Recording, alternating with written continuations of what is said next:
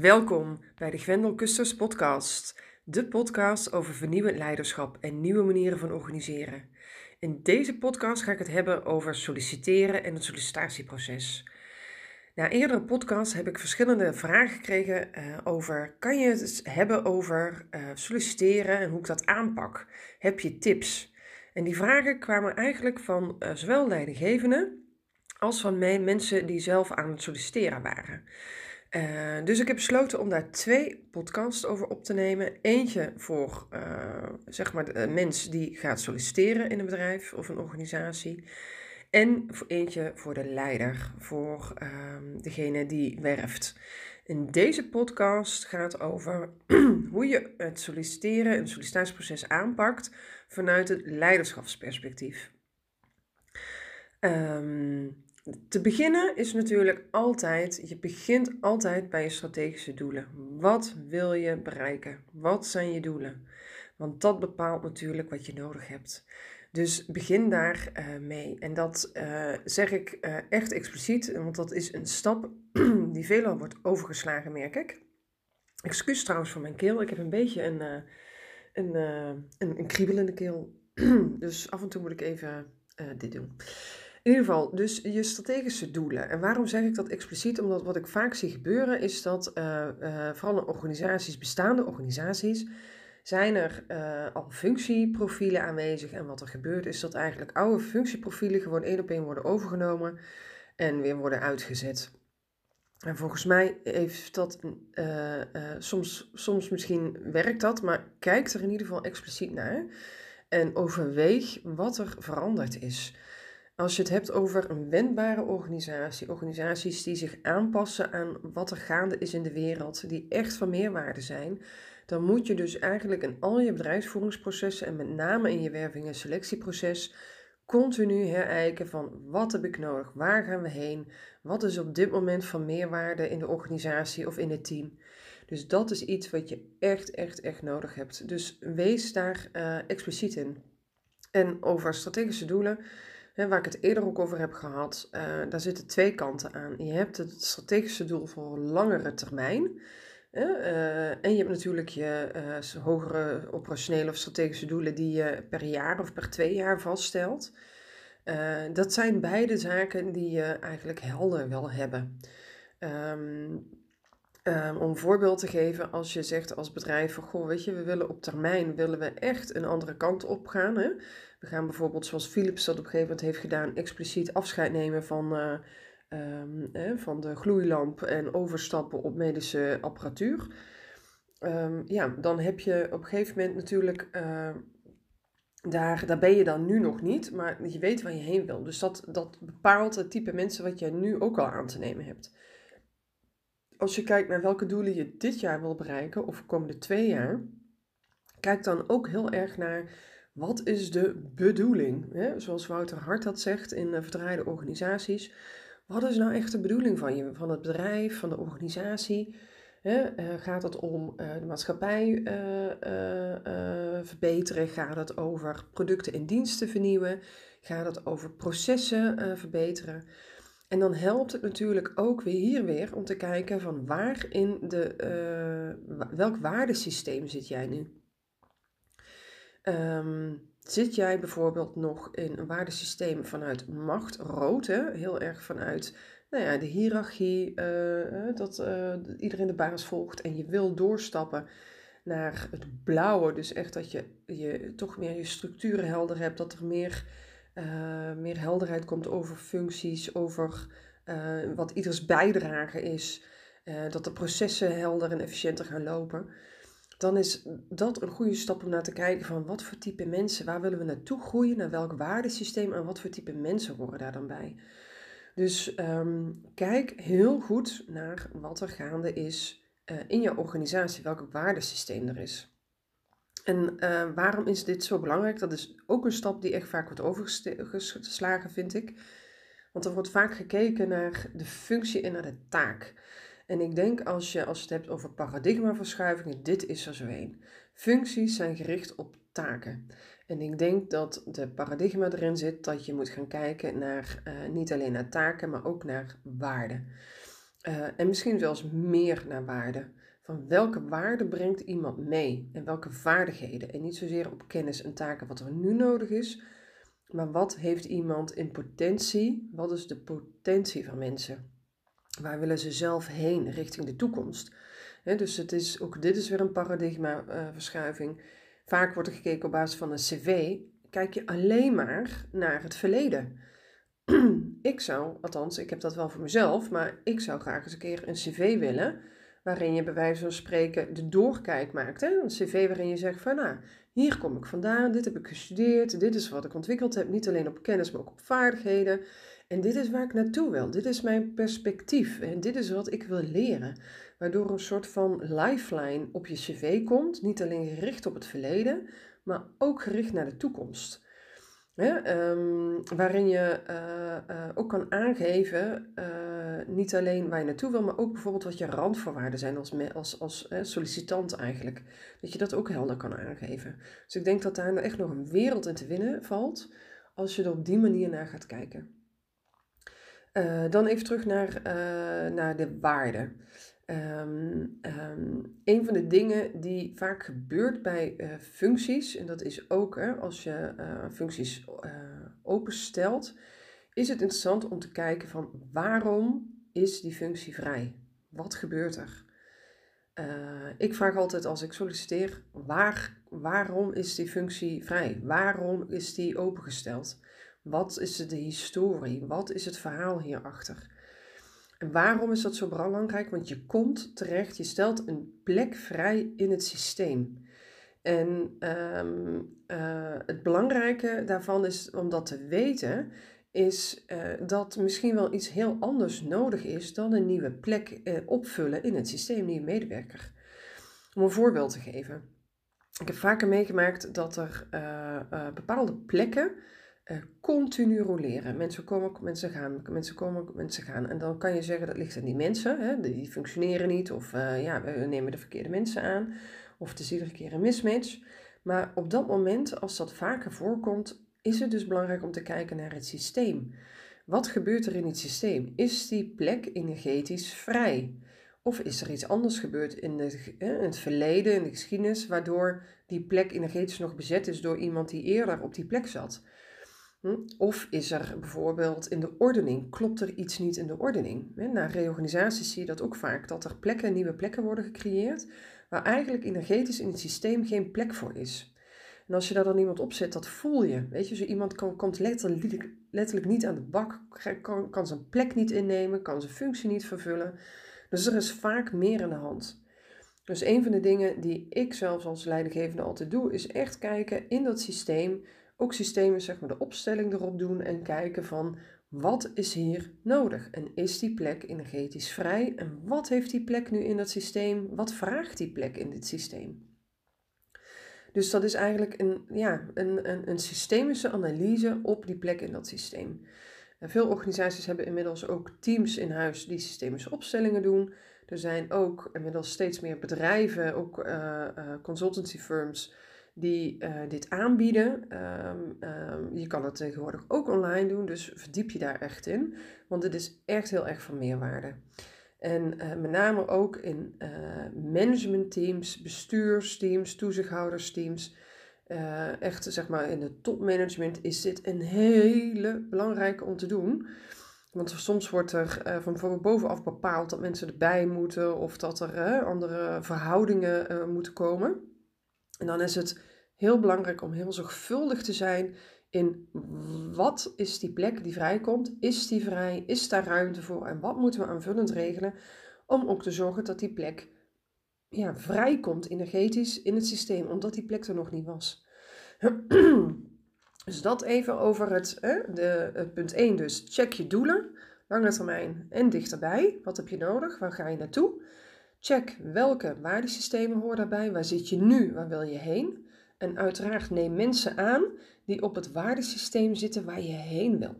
Want anders kom je echt geen stap verder, kan ik je vertellen. Dan kunnen ze nog zo goed zijn en dan kunnen ze nog alle kennis en uh, vaardigheden hebben die jij wil hebben. Maar als zij niet het waardesysteem hebben waar jij heen wil, is het echt uh, ja, verloren kans eigenlijk. je schiet jezelf letterlijk in de voet. Dus let daar alsjeblieft op. Uh, ook hiervan, hè, ik zie dit heel vaak op managementniveaus gebeuren, dat er mensen worden aangenomen die uh, uh, de, wel de, ja, de ervaring hebben op soortgelijke plekken, maar als jij in je organisatie verder wil en het waardesysteem matcht niet en je gaat dat niet expliciet toetsen in je sollicitatiegesprek, dan kom je echt een stap verder. Dus doe dat expliciet. En ten derde, hè, derde punt is, doe je systemische analyse. Ook energetisch, van is die plek beschikbaar? Um, want dat uh, moet je weten voordat je hem openstelt. En dat geeft ook informatie over de kennis, de vaardigheden, vaardigheden en het type mens wat jij nodig hebt. Dus dat even als meer uh, soort van voorbereidend werk wat je, um, wat je moet doen. Als je mij vraagt, en zoals ik het altijd aanpak. Dan even het tweede uh, onderdeel of tweede thema. Hè. De thema 1 net was geen voorbereiding. Uh, de tweede wat ik wil benoemen is eigenlijk um, welke vaardigheden zoek je nou eigenlijk in een organisatie van, ja, die ja, ik wil zeggen van de toekomst, maar eigenlijk is de toekomst nu, hè, wat je nu nodig hebt om te kunnen anticiperen op snelle veranderingen in de maatschappij, snelle uh, technologische ontwikkelingen, uh, snelle data-analyses, ehm, alles wat er nu speelt. Dan zijn er wat mij betreft zijn vier vaardigheden van de toekomst. En misschien zijn het er meer hoor, maar dit zijn voor mij de, de vier dingen die ik altijd heel scherp op mijn netvlies heb. En waar ik ook expliciet op doorvraag in, in sollicitatiegesprekken. Eentje is uiteraard, dat is echt spot on, nummer 1, non-negotiable, persoonlijke ontwikkeling. En dan kan je zeggen van ja, heel veel mensen zeggen van ja, ik heb zelfreflectie, maar dat is niet wat ik bedoel. Persoonlijke ontwikkeling gaat echt over, um, kan je, uh, of heb je, kan je laten zien in het, hè, dat je um, uh, echt met jezelf aan de slag bent geweest door middel van coaching, door middel van opleidingen die gaan over uh, hoe jij in elkaar zit. En je hebt heel veel soorten uh, opleidingen daarin.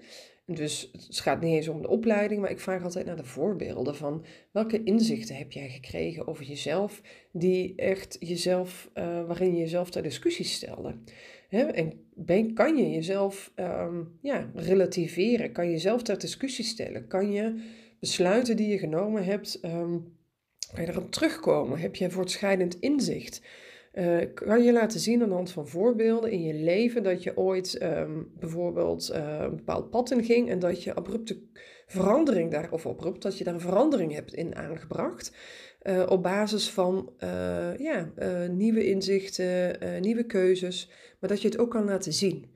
Heel veel mensen doen persoonlijke ontwikkelingen en als je kijkt naar hun track record, dan doen ze eigenlijk in wezen niks anders. Ze blijven doen wat ze doen. En voor mij is dat persoonlijke ontwikkeling aan de binnenkant, maar dat heeft zich dan niet vertaald naar de buitenkant.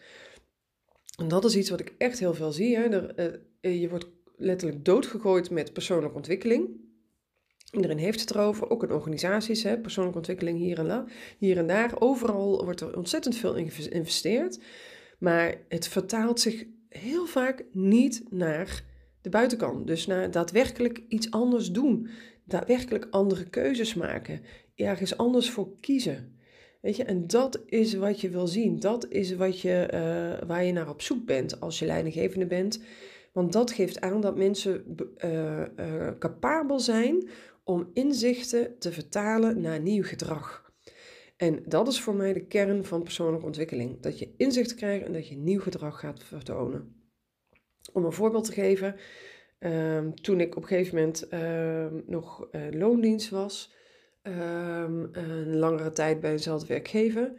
Toen voelde ik op een gegeven moment dat wat ik geloofde en wat mijn voortschrijdende inzichten waren, zeg maar, vanuit persoonlijke ontwikkeling en leiderschap, dat het niet meer matchte met wat ik aan het doen was. Het matchte heel erg met, um, ik had alles vertaald in de, mijn manier van werken in het werk, maar nog niet vertaald in mijn privéleven.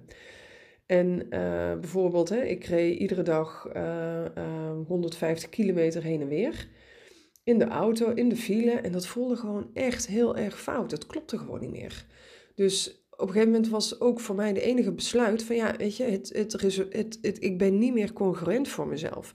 Ik sta hier niet meer achter, dus ik moet hier weg. Ik moet hier ontslag nemen. Ik moet naar een andere baan vlakbij huis. Ik wilde gewoon een baan hebben in de buurt, waardoor ik met de fiets naar het werk kon. En daarmee kan je zeggen, ja, daar limiteer je je uh, door. Ja, dat kan. Dat is één kant van de medaille misschien. Maar aan de andere kant uh, was het voor mij in de categorie eigenlijk van uh, hoe ga ik om met de aarde? Wat is mijn bijdrage in het geheel? leef ik mijn waarden? En vanuit, die, van dat vanuit dat perspectief matchte het niet meer. Uh, dus dat is zo'n voorbeeld hè, van kan je, van als je het hebt over duurzaamheid, ja, hoe leef je dan?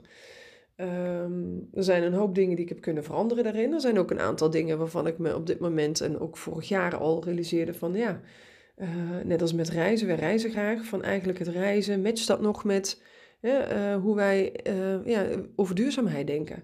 Je kan zeggen, ik eet niet, of ik eet geen vlees, of en um, je zorgt dat je de auto weinig gebruikt. Maar uiteindelijk, ja, hoe ver draagt het vliegen wel of niet bij aan, aan de duurzaamheid?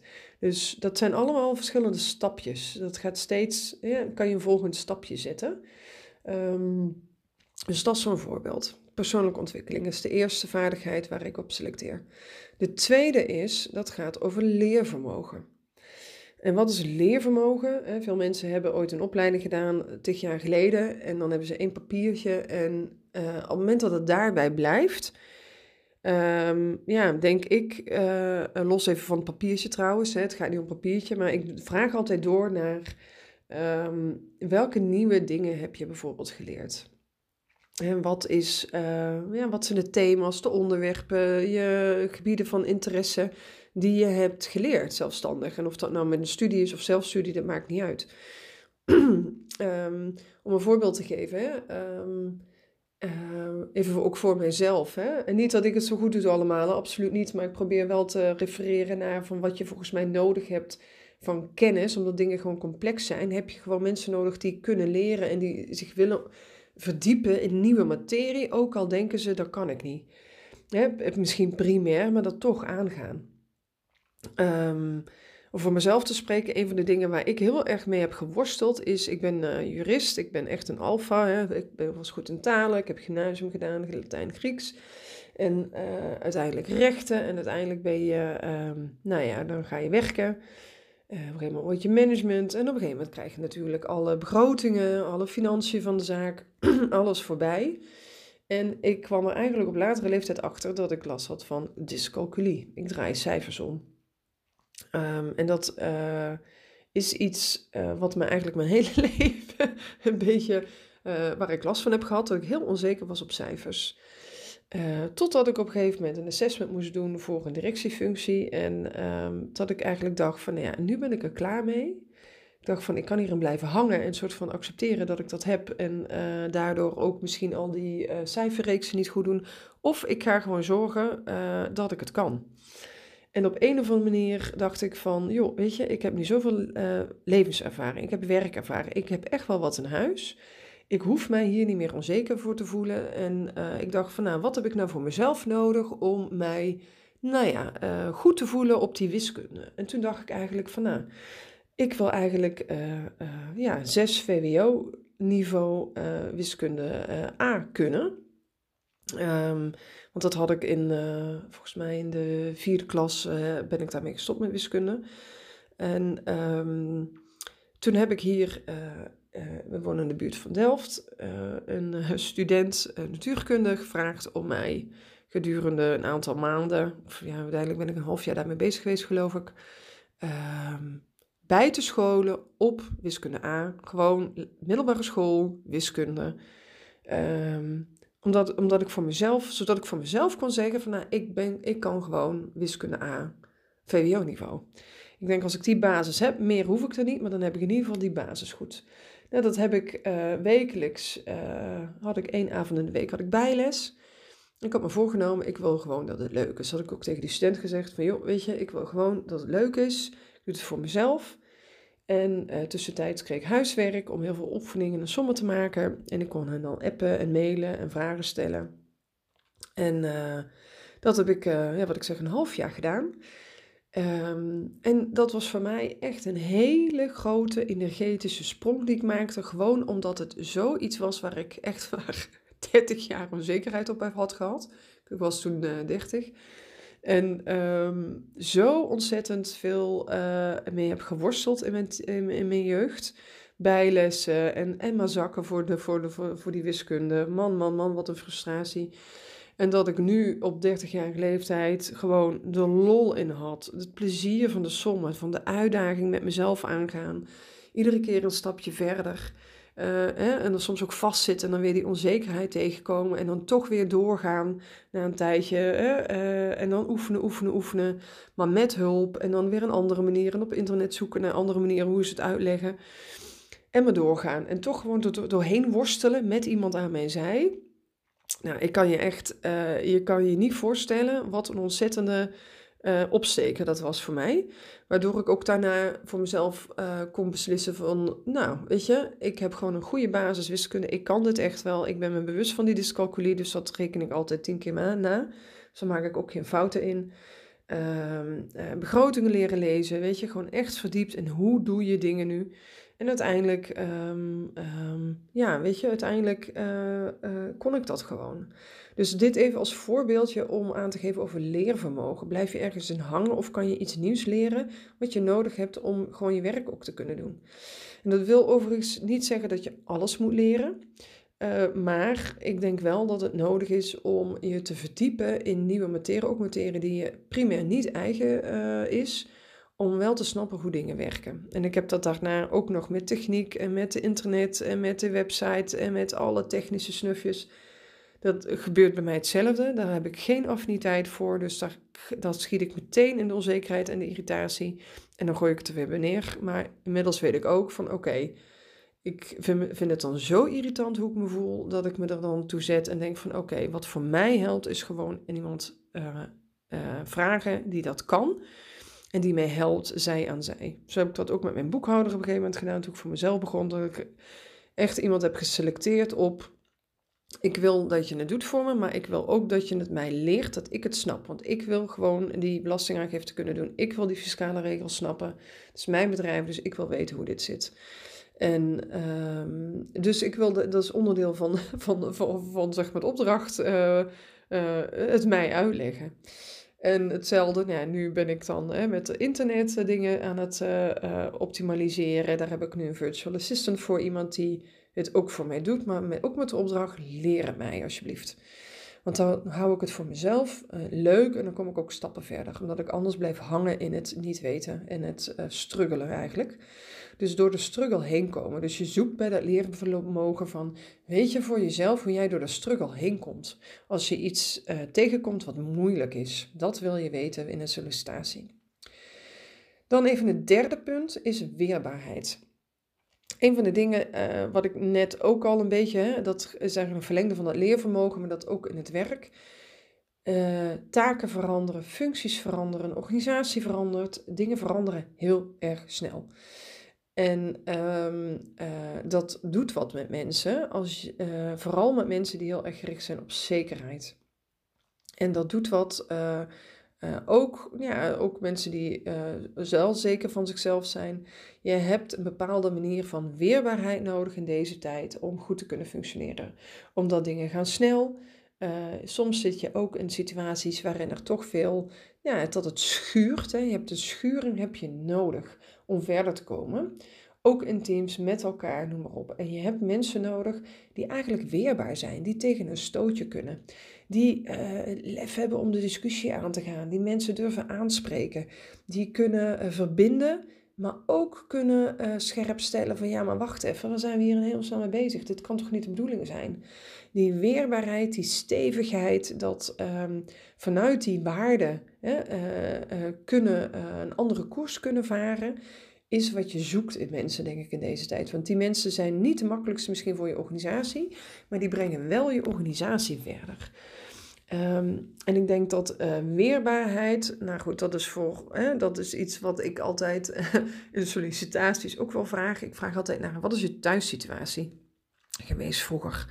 Uh, en um, ik heb uh, nou ja, ook vaak, uh, niet bij alle sollicitaties, maar veel sollicitaties vragen ook van, maak pak ik wat stiften mee en een velletje en een A4'tje van maak eens een tekening van je keukentafel. En dat is misschien een beetje huistuin- en keukenpsychologie. Maar de, de positie die iemand aan een tafel aanneemt en wat daar aan die keukentafel gebeurt, is, uh, het bepaalt heel erg, daar kan je uit lezen wat je kindconclusies zijn. En dat is iets waar, nou ja, waar ik altijd wel een beetje op gespitst ben. Uh, om te kijken van wat zijn nou je kindconclusies? Hè? Welke plek neem je in? Wat is het gesprek? Wat is de verhouding tot vader, tot moeder? Um, omdat dat inzicht geeft en hoe ook toch iemand in wezen en primair gewired is, om het zo te zeggen. Um, Kijk, om een voorbeeld te geven, op het moment dat er, uh, we ook voorbij zien komen, dat mensen een keukentafel tekenen en met een hele duidelijke Bijbel bijvoorbeeld op de tafel, uh, met de vader aan het hoofd, dan weet je dat iemand uit een waardesysteem komt wat heel erg um, ja, gedomineerd is door de kerk, hè, door geloof, door hoe het hoort.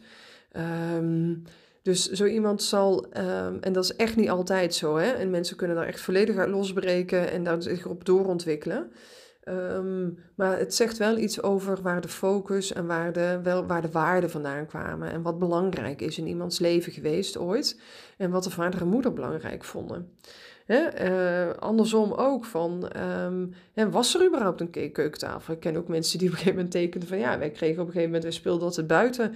Er werd gewoon altijd een grote kom, uh, met eten uh, voor de deur gezet rond zes uur. En dan konden we met alle vriendjes konden we even broodjes eten, weet je? Dus het zegt iets over um, um, nou ja, de, het systeem waar iemand vandaan komt. en de plek in het gezin, ja, zegt ook wat over ja, hoe iemand zich uh, uh, heeft kunnen ontworstelen aan broers, zussen, of die de weg heeft vrij moeten maken voor anderen, noem maar op allemaal. En zo kan je ook op deze manier hè, doorvragen op hè, die weerbaarheid van welke dingen ben je, hè, wat was moeilijk in je leven, hoe ben je daarmee omgegaan? Um, als je moeilijke uh, situaties tegenkomt, hoe ga je daar dan in het hier en nu mee om? Hoe ging je er vroeger mee om en hoe ga je er nu mee om? Om een voorbeeld te geven, ik heb uh, verschillende, uh, um, ja, mijn ouders zijn gescheiden. Uh, ook daaruit heel erg de soort van de conclusie getrokken als kind van, ik wil geen slachtoffer zijn. daar heb ik gewoon heel bewust een soort van ooit, of nee, volledig onbewust bedoel ik, hè, ooit voor gekozen. En ik ben me daar nu heel erg van bewust. Want ik dacht altijd van ja, het zal toch niet waar zijn dat mijn ouders, doordat zij hun leven een beetje verpesten, dat ik, dat ik daar last van krijg. Dus um, um, ik vond het op een gegeven moment heel vervelend om, toen was ik al uh, rond de 18 hoor, maar dat ik dacht van ja, het zal er niet waar zijn dat ik straks een hoop dingen niet kan omdat zij nog een scheiding liggen en uh, gedoe hebben met elkaar. Dus ik ben op een gegeven moment zelf, uh, heb ik gezegd van nou weet je, nu is het klaar met die scheiding, was zo'n vechtscheiding wat heel lang duurde. Gegeven ik van nou, ga ik het regelen. Dus um, ik ben met hun een onderhandeling gegaan en daar heb uiteindelijk de scheiding uh, van mijn ouders geregeld. En daarin ook een deel uh, onderhandeld voor mijn broer en voor mij voor geld om gewoon te kunnen studeren in het buitenland. en in ieder geval dat wij zelfstandig ook verder konden. Dus uh, hoe ga je om? Wat is je conclusie op moeilijke dingen? Voor mij is die heel erg. Ik zeg niet dat dat goed is, hè? Ik probeer alleen maar te duiden om je te inspireren van: hé, hey, hoe ga ik daarmee om? Voor mij werkt het zo dat ik heb besloten van, nou weet je, ik wil altijd gewoon aan dat stuur zitten zelf van mijn leven, zelf bepalen uh, en regie nemen. Uh, en in zoverre was dat natuurlijk een hele mooie uitdaging, een hele mooie situatie, die mij ook enorm gevormd heeft. Want in iedere situatie, als dingen een kant op gaan die, die niet resoneert met wat, wat ik voor ogen heb, dan ga ik dus zelf aan het stuur zitten. Dan neem ik het over en dan ga ik mijn eigen plan trekken. Um, dus zo werkt die voor mij. En de vierde uh, wat ik wil benoemen is wendbaarheid. Wendbaarheid zit in hoe snel kan je aanpassen. En dat zit, uh, een van de checks die ik altijd doe, is in hoeverre zijn mensen, uh, leiden ze hun identiteit af aan hun functie. Want wat ik heel veel zie is dat mensen bijvoorbeeld zeggen van ja, ik ben directeur of ik ben dat of ik ben zus of ik ben analist of ik ben. En op de ik ben uh, is voor mij altijd een trigger. Want dat uh, betekent dat je identificeert met iets. En op het moment dat jij je identificeert, is het heel moeilijk om het los te laten. Ik heb dat zelf ervaren toen ik op een gegeven moment um, uh, ontslag nam um, vanuit een directiefunctie. en toen een tijdje ook dacht van nou, ik wil wat anders, maar ik wist nog niet wat. Dus ik kwam een tijdje in een soort in de, in de, in de niets-tijd terecht, zoals ik dat noem. Even een soort tussenfase. En dat ik echt merkte van, oh, maar wie ben ik nu nog zonder die baan, zonder die functie? Dat was echt heel confronterend. Ik heb dat toen aan de lijve zelf ook ondervonden. En dat is iets, zeg maar, wat ik uh, je ook wil meegeven. Uh, check echt van hoe identificeert iemand zich ermee? Of kan iemand ook loskomen van die functie of van dat thema of van dat onderwerp? Kan iemand breder, is iemand breder inzetbaar? Kan je er meer mee? Dat is wat je wil onderzoeken in een uh, sollicitatiegesprek. En vraag daar ook naar. Wat voor type functies heeft iemand gedaan? Welke, en vooral ook de verschillende rollen. Um, um, welke verschillende rollen heeft iemand verleden gedaan? Dus dat even deel 2 over welke vaardigheden, 21ste eeuwse vaardigheden wil je op selecteren. Even samenvattend, persoonlijke ontwikkeling is 1, leervermogen is 2, 3 is weerbaarheid en 4 is wendbaarheid. Dan even het derde thema, de search. Uh, hoe zoek jij mensen? En waar vind je die mensen? een van de dingen natuurlijk wat nu vaak gebeurt, is het gaat eigenlijk volledig online. Alles wordt online gezet, er zijn searchbureaus, noem maar op. Wat mij, een paar dingen die mij heel erg opvallen, wat nog heel klassiek is en wat ook een paradigma shift nodig heeft als je mij vraagt, is de meeste functies zijn fulltime. In Nederland is 75% van de vrouwen werkt parttime. Dus op het moment dat jij een, een functie uitzet voor uh, eh, 40 uur, eigen, of 36 uur of 32 uur, hè, die, uh, in ieder geval dat soort, vanaf 4, 5 dagen zeg maar, of pak 5 dagen, hè, dat is fulltime, 36 uur. Eigenlijk zeg je dan, we zoeken een man. En dan kan je wel diversiteitsbeleid in je, in je beleid hebben staan, maar op het moment dat jij je functie niet op 24 uur zet, krijg je geen vrouwen. En in Nederland zijn eigenlijk hè, vrouwen, uh, geloof ik, zijn evenveel vrouwen, of inmiddels zelfs meer vrouwen op verschillende um, studies, meer vrouwen, hoger opgeleid. Dus wat je te doen hebt volgens mij als bedrijf is echt zoeken naar knettergoeie parttimers die jij gaat binden aan jouw bedrijf. Dat is één. Dus in je search en in je functie, hè, zoek waar zitten die mensen? Nou, zoek alsjeblieft eens een keer op parttime. Zet je parttime functies uit. Dat is één. De tweede, uh, en dat is een andere, uh, wat ik nog steeds heel erg, uh, ja, eigenlijk verrassend vind zelf. De functies zijn altijd vaak worden neergezet als solistische functies. Terwijl um, mensen kunnen ook in duo's werken. Ik heb een aantal duo-functies zelf um, meegewerkt ook. En dat werkt perfect. Dat voelt onwijs goed aan. Ehm, en er zijn heel veel mensen die heel goed in duo's werken. Uh, dus uh, stel ook eens bijvoorbeeld een duo-functie open. Dat je zegt, we hebben een fulltime functie, twee keer 24 uur of twee keer uh, eh, 20 uur, kan ook. Hè? Um, en vooral op zwaardere, je ziet op hogere managementfuncties, zijn echt zware banen. Wat vaak ten koste gaat van gezin en gezondheid en andere zaken. Zet daar nou eens twee keer 24 uur op. Maak, zet hem nou eens open voor twee mensen, of dat nou man en vrouw zijn, is, hè, om het even maar dat het verdeeld is, dat het een balans is voor de mensen zelf, waardoor het duurzamer uh, is en beter vol te houden. En dat je daarmee haal je natuurlijk twee voor de prijs van één binnen. Want je hebt, hè, ze zeggen altijd, we zoeken naar het schaap met de vijf poten. Nou, die krijg je hiermee dus echt mee binnen als je duurfuncties openstelt. Dus dat is natuurlijk ook een oplossing. Dus de creativiteit en wat voor type functie stel jij nou open, is, vind ik op dit moment zo eenzijdig. Het enige wat we kennen is fulltime functie of een parttime functie. Maar een duo functie kennen we niet. Parttime functies zijn vooral een hogere schalen ontzettend schaars. Eigenlijk vind je ze nauwelijks. En het derde wat ik zou willen meegeven is in de search hè, van... Ehm, kijk, vaak op het moment dat er nieuwe taken zijn, nieuwe teams moeten worden opgezet, wat er dan gebeurt is dat we zoeken naar het blijven individuele functies.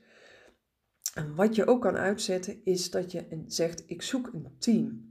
Als jij zegt, ik ga een nieuwe dienstverlening doen, ik ga een nieuwe afdeling opzetten, ik wil een nieuwe, eh, nieuwe, nieuw, nieuw, nieuw, nieuwe uh, koers inslaan, of ik wil een, een stap naar een nieuw waardesysteem, ik heb echt iets te veranderen, ik wil dit management vervangen en een nieuwe verdere stappen maken. Vraag eens een team uit waarin je zegt van joh, ik zoek gewoon een directeur met vier uh, afdelingshoofden. Of ik zoek uh, een team uh, wat, een, wat, wat, wat organisatieonderdeel gaat opzetten. Even los van rangen en standen. Hè. Zet eens de vraag uit naar een team. Ik heb een tijd in een team gewerkt. Dat was zo hecht. We konden zo lezen en schrijven met elkaar. Echt fantastisch. En dat is echt ook toen ik, uh, uh, toen ik zelf op een gegeven moment verder ging, dat ik dacht van ja, dit is zo'n team waarin ik zou willen werken, waarvan ik eigenlijk zou willen bewegen als team. Dat je zegt van we vertrekken als team en we gaan we stappen met als team in een volgende opdracht. Ja, als dat toch uh, zou kunnen en mogelijk gemaakt zou worden, zou ontzettende power geven, ook een nieuw bedrijf. Want alleen Weet je, toch even de realiteit van deze tijd. Je doet niks alleen. Je doet alles in een team en je bent hartstikke afhankelijk van je teamgenoten en van het team waarin je terechtkomt. Dus als jouw team al klopt en je hebt zeg maar die, al die fases van teamontwikkeling al gehad en je komt als succesvol team verder, moet je eens nagaan hoe effectief dat is. Even om een voorbeeld te geven, uh, op het moment dat jij in nieuw iemand in een, een team zit, een managementteam, een directieteam, uh, bij alle teams waar ik kom, is ze altijd bezig nog met norming, storming, vormen van het team. Het team effectief maken. Daar gaat heel veel tijd in verloren. Of verloren. Het is heel belangrijk hè, dat het gebeurt, maar dat, dat, daar kom je niet omheen. Want je moet als team functioneren. Dus het gaat maar, de effectiviteit van je team gaat maar zo snel als dat je team ook goed kan samenwerken. Dus stel je voor dat jij al een succesvol team kan aannemen. Ik vond het zelf ook zo interessant bij uh, echt hogere functies, DG's, SG's, uh, uh, CEO's, CFO's, noem maar op, echt hoge functies. Wat je vaak ziet gebeuren op het moment dat die vertrekken, die nemen vaak als eerste hun persoonlijke assistent of secretaresse mee. want die, kan, die begrijpt hun, dus dat hoeven ze niet meer uit te leggen, waardoor ze meteen al effectief kunnen zijn. En vaak nemen ze ook één of twee topadviseurs. Er gaan vaak altijd zo'n groepje mensen wat, hun, wat je dan eigenlijk het jaar daarna uh, stap voor stap ziet volgen. En uh, daar kan je van alles van vinden, maar eigenlijk geeft dat gewoon aan van hè, zo iemand neemt eigenlijk gewoon onbewust of bewust, hè, die vraagt op een gegeven moment gewoon: wil je mij niet komen helpen in die organisatie? Dat soort type mensen nemen gewoon heel bewust hun eigen team mee, hun, hun winning team, waardoor ze gewoon kunnen knallen en kunnen het verschil kunnen maken. Dus je kan ook natuurlijk gewoon zo'n functie, vooral die topfuncties, en nu ook, ik uh, kijk daar iedere keer naar van wat voorbij komt en dan vragen ze één iemand. Maar wat als jij nou zegt van, goh, weet je, je mag een team van vijf man meenemen om hier het verschil te maken. hoe bind je dan? Wat voor sterke binding uh, organiseer je dan niet meteen in je bedrijf? Dat even over de search. Van zorg dat je je search aanpast en dat je creatiever wordt in hoe je zoekt en ook weer je functie, hoe je hem uitzet. Dus dat is eigenlijk het derde onderdeel wat ik bespreek. Het vierde onderdeel gaat eigenlijk, sorry, het wordt een lange podcast, over het selectieproces. Hoe doe je het selectieproces? Meestal gaat dat met HR en dan wordt een functie gemaakt en dan zijn er een paar gesprekken en dan, en dan zit er hooguit misschien één medewerker bij. En vervolgens moet er een klikgesprek nog zijn met een afdelingshoofd of, een, of nee, met een directeur of met een, een, een partner of een uh, stakeholder.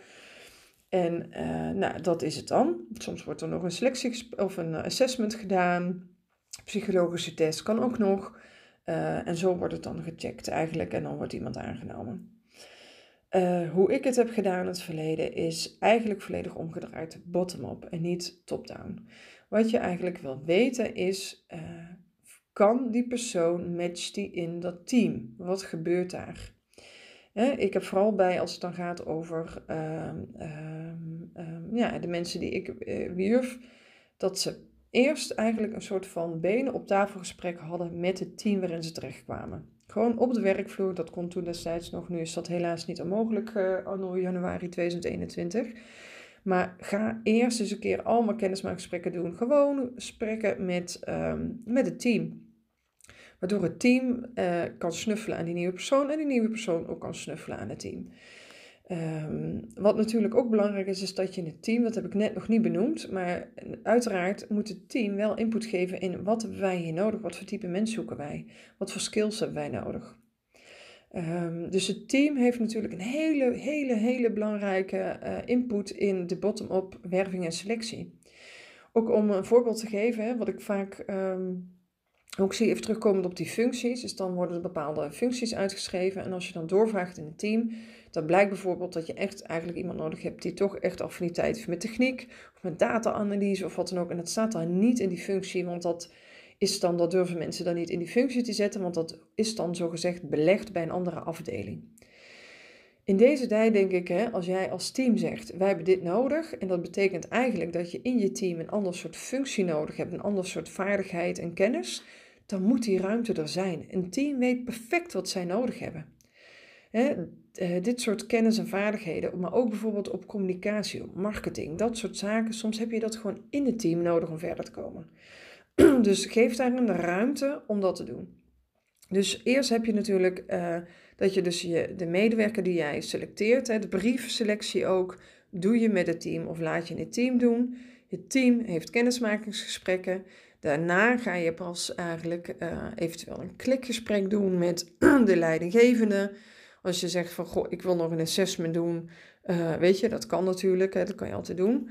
Je geeft altijd, uh, dat is interessant, maar doe dan vooral wel een ontwikkelassessment. Want dat is iets wat toch echt anders in elkaar zit dan een, um, een selectieassessment. Omdat bij de selectieassessment dan zeg je van is geschikt of niet geschikt. Um, en een ontwikkelende assessment kijk je van wat kan iemand en uh, is iemand ontwikkelbaar. En dat is eigenlijk wat je wil weten. Is iemand ontwikkelbaar? Heeft iemand die vaardigheden zoals we net hebben geschreven van uh, wat komt daaruit? Dus in zoverre uh, kan je, heb je veel beter in de gaten van in hoeverre iemand ook mee kan groeien met jouw organisatie. Dus en uh, het belangrijkste in dat bottom-up eigenlijk selectieproces is dat eigenlijk het besluit ook ligt bij het team. Om hier een voorbeeld op te geven. Ik heb met deze nieuwe manieren van selecteren ook uh, uh, uiteindelijk hè, begonnen met, met experimenteren, kijken hoe dat werkte. En als leidinggevende stapte ik zelf ook als directeur eigenlijk in de valkuil om uiteindelijk te, op een gegeven moment te zeggen van ja, weet je, ik heb daar toch twijfel bij iemand. En toen had ik op een gegeven moment gezegd van ja, ik heb toch te weinig vertrouwen erin om op basis van dat gesprek eh, met die persoon door te gaan. Toen had ik in eerste instantie een keer gezegd van nou nee, ik ga het toch niet aannemen. Toen kwam het team bij me terug en die zeiden van ja, weet je, wij hebben hier echt een goed gevoel bij.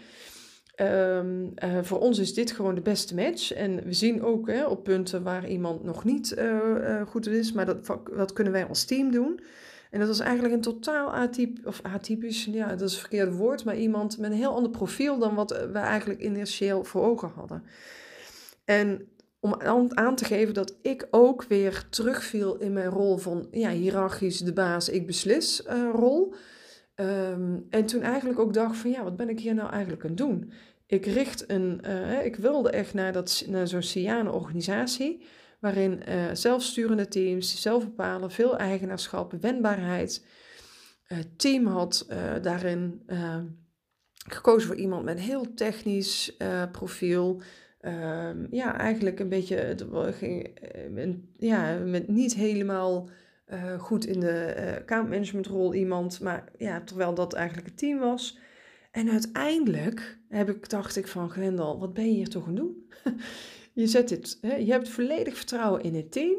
En wat blijkbaar puntje bij paaltje, vertrouw je toch niet, wil je toch de controle houden om het besluit te nemen om dan niet iemand toch niet aan te nemen. Dus eigenlijk vertrouwen zeg je dan toch in je daden, je vertrouwt het team niet. Nou, daar heb ik hele mooie gesprekken over gehad met het team. Ook mezelf natuurlijk weer tegengekomen van... hé, hey, wat ben ik nou aan het doen en waarom doe ik dat eigenlijk? En vanuit, waar, vanuit wat doe ik dat eigenlijk? En toen kwam ik eigenlijk tot de conclusie van... ja, ik zit dat te doen vanuit, uh, echt vanuit oud gedrag, controle. Uh, ik ben verantwoordelijk, terwijl dat is wat ik net los te laten had. Dus toen heb ik uiteindelijk in tweede instantie die persoon opnieuw gebeld en gezegd van... joh, ik heb een fout begaan ik heb je afgewezen, maar uh, het team uh, is 100% staat achter jou en dan sta ik ook achter jou. Dus ik wil jou bij deze alsnog aannemen.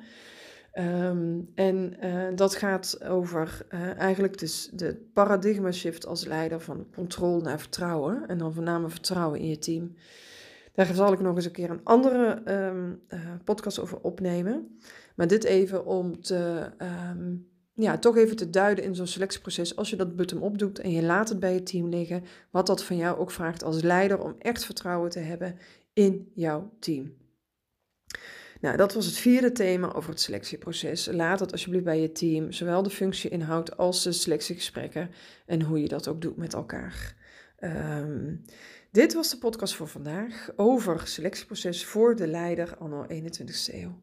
Ik wens jou heel veel plezier, inspiratie en doe je je voordeel mee. Hele fijne dag en super dankjewel voor het luisteren.